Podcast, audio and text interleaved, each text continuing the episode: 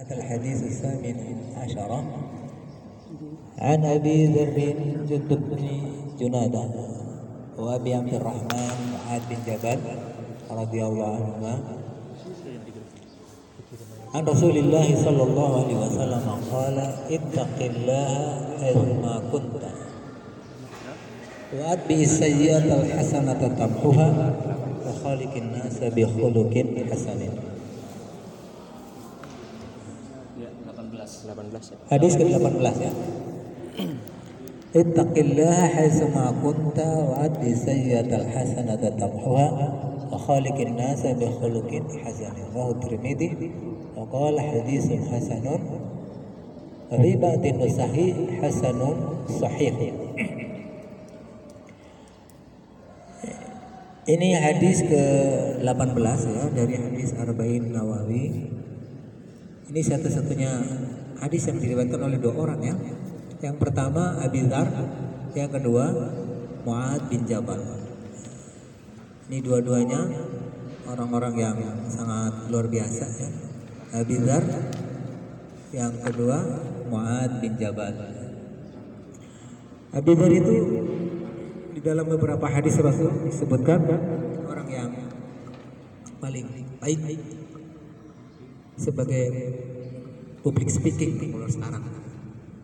Nggak ada orang di atas muka bumi seindah kata-katanya dari Abizar gitu.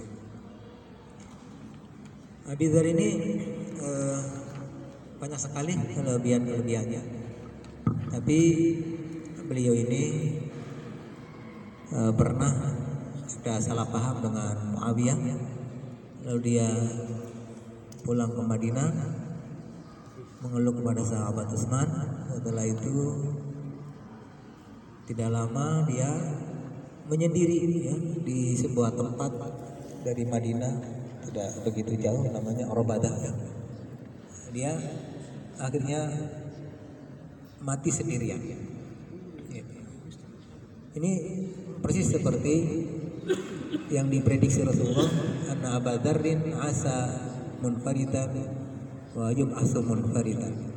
Ya, dia hidup sendiri dan nanti dibangkitkan juga sendiri.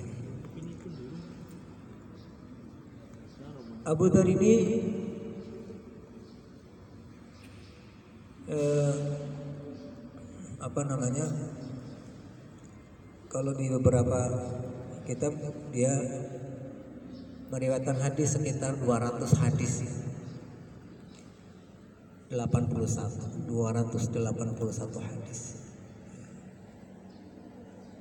Dia eh, banyak sekali apa namanya eh, manakibnya panjang sekali manakibnya ya. Dan dia termasuk sahabat yang luar biasa yang kedua Abu Abdurrahman Muad bin Jabal. Ini Muad ini juga sahabat besar. Dia masuk Islamnya juga masih sangat muda ya. Sekitar umur 12 tahun. Ada yang mengatakan 18 tahun sudah masuk Islam. Dan beliau ini kalau sekarang itu lebih cocok sebagai duta pendidikan karena Muad bin Jabal ini beberapa kali dalam hidupnya selalu diberi misi untuk menyebarkan pengetahuan. Jadi dulu zaman